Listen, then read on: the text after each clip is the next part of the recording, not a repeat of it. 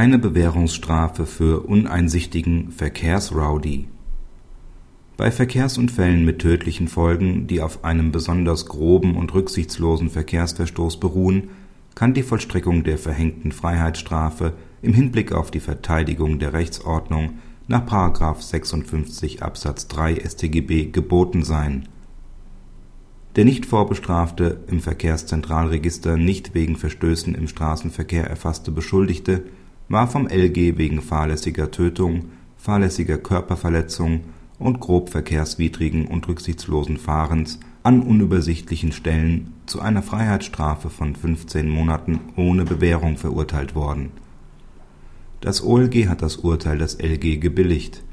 Entscheidend war, dass das LG beim Beschuldigten eine dauerhaft verkehrsfeindliche und aus eigennützigen Beweggründen geprägte Motivation festgestellt hatte.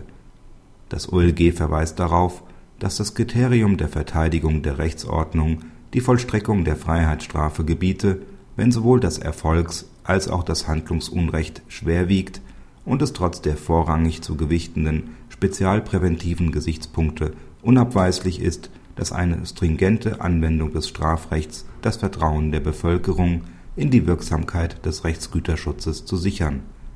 Die Tat muss neben den durch sie verursachten schwersten Folgen einen erheblichen Unrechtsgehalt aufweisen und Ausdruck einer verbreiteten Einstellung sein, welche die Geltung des Rechts nicht mehr ernst nimmt. Die lediglich falsche Einschätzung einer Verkehrssituation oder eine bloße Überschätzung der eigenen Fähigkeiten im Umgang mit einem Kraftfahrzeug genügt hierfür nicht. Der Unfall beruhte nach den Feststellungen des LG nicht nur auf einem bloßen spontanen Fehlversagen, sondern vor allem auf der mangelnden Einsicht des Angeklagten in die Notwendigkeit der Einhaltung der Verkehrsregeln und somit auf einer dauerhaften und verantwortungslosen Selbstüberschätzung eigener Fahrfertigkeiten und der groben Missachtung der Rechte anderer Verkehrsteilnehmer. Praxishinweis Eine Verurteilung nach 315 Absatz 1 Nummer 2 StGB setzt voraus, dass der Täter grob verkehrswidrig und rücksichtslos gehandelt hat. Grob verkehrswidrig handelt, wer objektiv besonders gefährlich gegen Verkehrsvorschriften verstößt Rücksichtslosigkeit bezeichnet die gesteigerte subjektive Vorwerfbarkeit.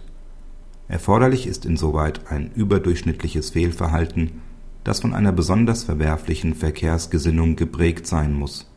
Von daher ist ein bloß fahrlässiger Verstoß, wie zum Beispiel das Übersehen eines Rotlichts, allein nicht geeignet, den Vorwurf der Rücksichtslosigkeit zu begründen